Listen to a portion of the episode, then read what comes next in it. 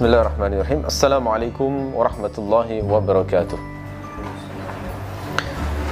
الحمد لله رب العالمين وبه نستعين على أمور الدنيا والدين والصلاة والسلام على سيد المرسلين وإمام المتقين نبينا محمد وعلى آله وصحبه ومن تبعه بإحسان إلى يوم الدين اللهم إنا نسألك علما نافعا ورزقا طيبا وعملا متقبلا ربنا زدنا علما وارزقنا فهما waj'alna minas salihin amma ba'd Baik, sekarang kita membahas tentang topik distribusi uh, daging kurban.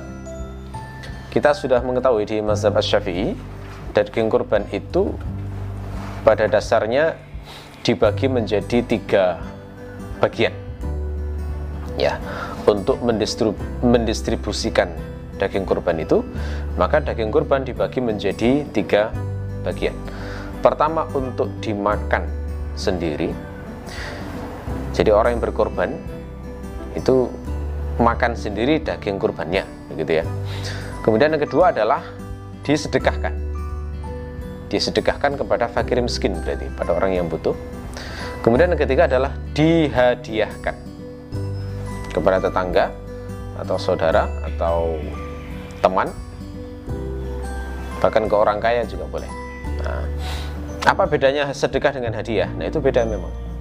Sedekah itu pemberian pada orang yang butuh. Tidak dinamakan sedekah kalau tidak diberikan kepada orang yang butuh. Jadi kata kuncinya sedekah itu harus pada muhtaj, orang yang butuh.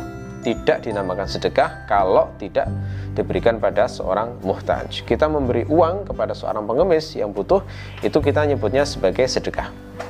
Ya, kalau memberi bukan pada orang yang butuh dengan maksud memperoleh tawaddud eh, mawaddah cinta kasih sayang ya maka itu dinamakan hadiah. Jadi hadiah itu pemberian pada orang yang yang tidak membutuhkan tetapi diberikan itu bisa menambah cinta dan kasih sayang. Gitu ya oleh karena itu dibedakan antara sedekah dan hadiah ya. Jadi ketika dikatakan daging korban itu diberikan sebagai sedekah. Berarti itu mencari orang yang butuh orang yang miskin orang yang senang kalau dikasih daging. Dan dia memang kelaparan ya. Sedangkan disebut hadiah berarti itu diberikan pada orang yang nggak butuh. Misalnya tetangga yang kaya itu boleh dikasih daging kurban. Karena dia sebenarnya secara kemampuan tidak tidak butuh daging dia bisa mem membeli sendiri bisa. Tetapi diberikan itu eh, orang kalau mendapatkan hadiah itu kan ada uh, ada kesan lain ya. Orang mendapatkan hadiah itu kesan lain tambah simpati tambah bertambah cinta bertambah kasih sayang dan semisal dengan itu. Nah jadi itu tiga eh, daging kurban dibagi menjadi tiga distribusinya. Uh, yakni sebagai dimakan sendiri kemudian sebagai sedekah dan sebagai hadiah. Nah sekarang pertanyaannya adalah apa hukum dari masing-masing pembagian itu. Maksudnya apakah wajib orang itu makan sebagian daging kurbannya? Apakah wajib untuk dibagikan sebagai sedekah? Apakah wajib untuk disisihkan sebagai hadiah? Nah, itu inti dari pembahasan di topik ini di kitab matan Abu Suja. Nah, di sini Abu Suja menjelaskan hukumnya begini. Wala ya'kulul mudahhi syai'an minal udhiyah al-manzurah Orang yang berkorban itu tidak makan sedikit pun dari korban yang dinazarkan. Ya, jadi kalau korbannya jenis nazar, justru orang yang berkorban itu haram, tidak boleh makan dari daging yang dinazarkan tadi. Ya, korban yang dinazarkan tadi. Contoh bernazar misalnya begini. Kalau ada orang bilang saya bernazar berkorban tahun ini, Nah, kalau sudah pernah mengucapkan begitu, maka berarti daging kurbannya dia haram untuk memakannya. Nah, ini para panitia harus ngerti ini hukum ini ya. Artinya daging kurban itu kalau kalau orang yang berkorban itu bernazar itu harus di, ditandai loh ya. Artinya orang yang berkorban itu nggak boleh ikut makan. Nah ini contoh bernazar juga misalnya misalnya orang sakit kemudian bilang kalau saya sembuh saya nanti akan berkorban Nah, jadi semacam itu sudah jenis nazar itu. Berarti kalau dia sudah sampai berkorban, maka dia nggak boleh makan daging korbannya. atau misalnya berna, me, me, mengatakan salah satu hewannya sebagai korban secara muayyan tertentu misalnya dia punya lima kambing terus dia menunjuk satu kambingnya yang berwarna hitam dan bilang saya menjadikan kambing ini sebagai daging kurban nah dia menunjuk semacam ini itu sudah menjadi hewan kurban yang dinazarkan sehingga dia tidak boleh makan daging kurban tersebut. Ya jadi tidak boleh makan daging kurban. Bahkan intifak saja nggak boleh. Intifak itu memanfaatkan. Nggak nggak sampai makan tapi hanya memanfaatkan daging kurban. Misalnya kulitnya dimanfaatkan untuk jadi jaket atau jadi pakaian atau jadi buat eh, terbangan sebagainya dia tidak boleh itu. Intifak saja memanfaatkan tidak dibolehkan kalau misalnya ada orang yang berkorban nazar kemudian sampai makan daging kurbannya itu maka dia wajib mengganti kurbannya. Jadi diulang lagi. Dan dia memakan yang dilarang. Ya. Jadi ini eh, ketentuan untuk kurban yang dinazarkan. Wa yakulu minal udhiyah al mutatawwi' biha dan dia boleh makan kurban yang mana dia itu bersukarela. Bertatawu bersukarela berkorban. Artinya berarti bukan kurban nazar. Nazar itu kan wajib. Kurban nazar itu kurban wajib. Tapi kalau kurbannya tidak bukan nazar kurban tatawu kurban yang sunnah sifatnya gitu ya. Maka dia boleh makan daging kurban. Nah itu yang saya jelaskan dibagi tiga tadi itu jenis yang ini. Dia boleh makan daging kurbannya nah hukum memakannya itu tidak wajib. Ya jadi hukum memakannya tidak wajib. Tetapi petunjuk Rasulullah adalah mencontohkan untuk ikut memakannya sebagai bentuk tabarruk. Eh, mencari berkah gitu ya. Ya. Dalil yang menunjukkan bahwa orang yang berkorban itu diizinkan makan daging kurbannya di antaranya adalah hadis riwayat Al Bukhari dari Salamah bin Al Aqwa beliau mengatakan قال النبي صلى الله عليه وسلم من ضحى منكم فلا يصبحن بعد ثالثة وبقي في بيته منه شيء. فلما كان العام المقبل قالوا يا رسول الله نفعل كما فعلنا عام الماضي. قال كلوا وأطعموا وادخروا فإن ذلك العام كان بالناس جهد فأردت أن تعينوا فيها. Rasulullah bersabda, barang siapa berkorban di antara kalian, maka jangan sampai tiba waktu pagi setelah hari ketiga, lalu masih ada tersisa di rumahnya sedikit pun dari daging kurban itu. Nah, jadi dulu Rasulullah itu pernah memerintahkan pokoknya nggak lebih dari tiga hari sudah habis daging kurbannya. Harus selesai didistribusikan pada orang-orang yang butuh. Kemudian tahun berikutnya orang-orang para sahabat bertanya wahai Rasulullah apakah kami melakukan seperti tahun kemarin yakni daging kurbannya harus dibagi-bagi maksimal sampai hari ketiga. Tidak boleh hari keempat masih ada tidak boleh. Kata Nabi kulu wa at'imu wa makanlah kemudian berikan pada orang lain dan simpanlah. Karena tahun itu orang-orang mengalami paceklik yang kemarin itu dan saya ingin kalian membantu mereka menghadapi paceklik itu. Nah jadi tahun untuk tahun yang ditanyakan sahabat ini ternyata Rasulullah tidak memerintahkan supaya di uh, dibagi-bagi semuanya tapi boleh disimpan. Menunjukkan apa? Berarti orang yang berkorban boleh makan daging kurbannya gitu ya. Jadi yang semacam ini contoh bahwa sebuah hukum berilat.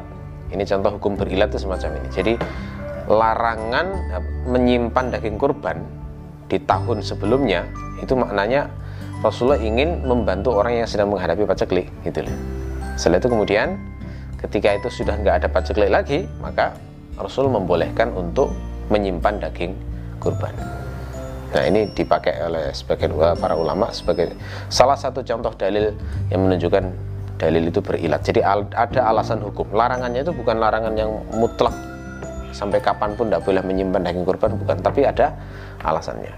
Jadi kalau pas paceklik itu jangan sampai menyimpan daging kurban, distribusikan semuanya. Nah, tapi begitu sudah nggak ada paceklik, maka boleh orang yang berkorban makan daging kurban. Nah, pertanyaannya apa uh, dalil yang menunjukkan bahwa makan daging kurban itu tidak wajib. Nah, itu dalilnya adalah surat Al-Hajj ayat 36. wal budna ja'alnaha lakum dan unta-unta itu aku jadikan ia untuk kalian jadi kata-kata dijadikan untuk kalian ini itu maknanya berarti mukhayyar. Ada pilihan boleh makan atau tidak. Karena namanya hak itu kan boleh diambil boleh tidak.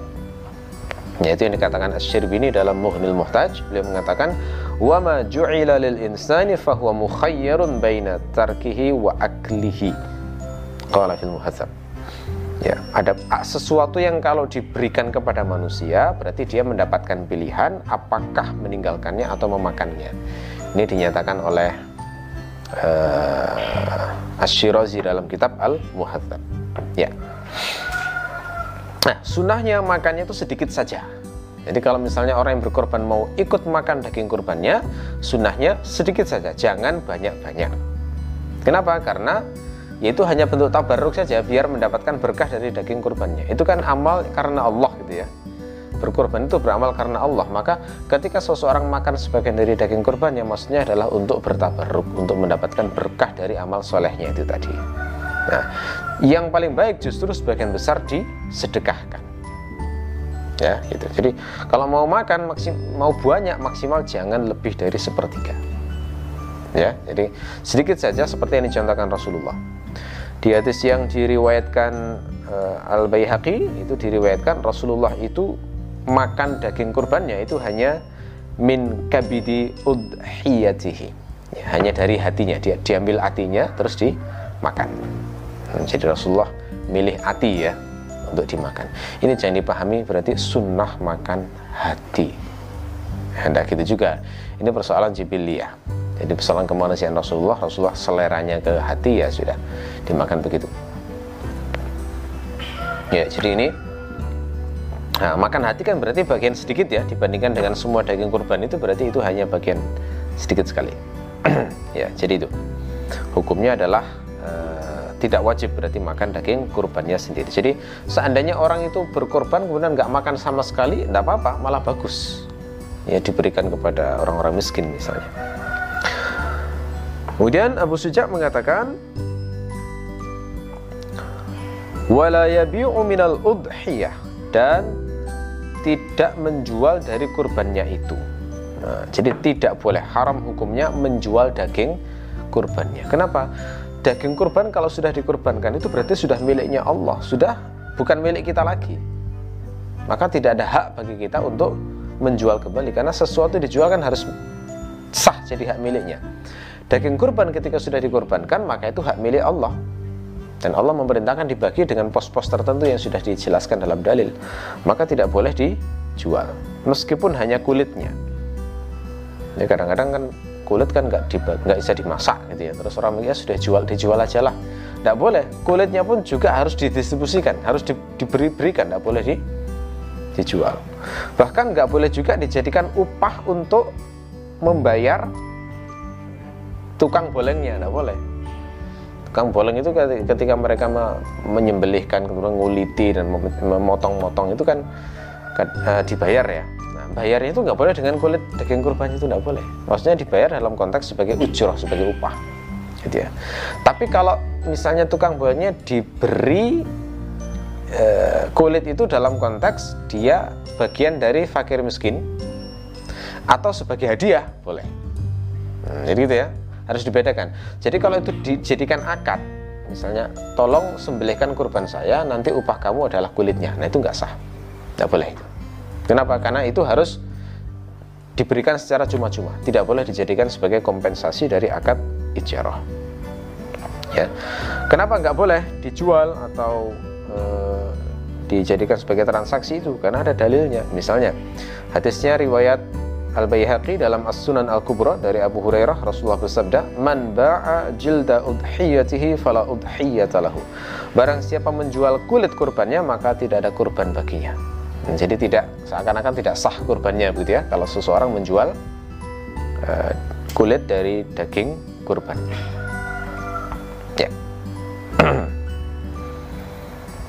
Ya, jadi saya ingatkan lagi tadi kan intifak menggunakan kulit itu kan nggak boleh pada kasus kurban nazar. Tapi kalau korbannya korban tatawu, korban sunnah, maka orang yang berkorban boleh.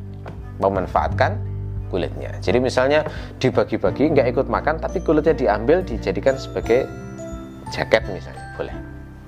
Ya, jadi yang nggak boleh hanya kasus kurban nazar. Kalau kurban tatawu atau kurban sunnah maka itu boleh dimanfaatkan. Wal masakin dan memberi makan orang-orang fakir dan miskin. Nah, ini yang bagian yang ketiga. Jadi jenis kurban yang ketiga adalah apa? Distribusi yang ketiga adalah menyedekahkan hewan kurban itu dagingnya. Dan ini hukumnya wajib. Mendistribusikan hewan kurban di sini hukumnya adalah wajib. Ya. Nah, dasarnya apa? Dasarnya ada surat Al-Hajj ayat 28 fakulu minha wa tu'imul ba'isal faqir. Makanlah darinya dan berilah makan orang-orang yang sengsara lagi fakir. Nah, jadi ini diperintahkan oleh Allah untuk memberi makan orang-orang yang sengsara dan fakir menunjukkan ini wajib ya. Jadi hukumnya ternyata beda-beda kalau dimakan sendiri hukumnya nggak wajib kalau sedekah hukumnya adalah wajib. Nah kalau hadiah nah itu hukumnya boleh juga jadi tidak wajib. Jadi yang wajib hanya satu-satunya yang wajib hanyalah untuk yang fakir dan miskin ya. Jadi e, misalnya harus milih antara ngasih orang miskin atau ke orang kaya maka utamakan yang miskin ya. Sedekah lebih utama daripada hadiah ya. Untuk hadiah dan dan dimakan sendiri itu disunahkan jangan sampai lebih dari sepertiga itu sunahnya begitu jadi afdolnya yang porsi terbanyak adalah diberikan kepada orang yang butuh yang membutuhkan yang fakir dan miskin tadi.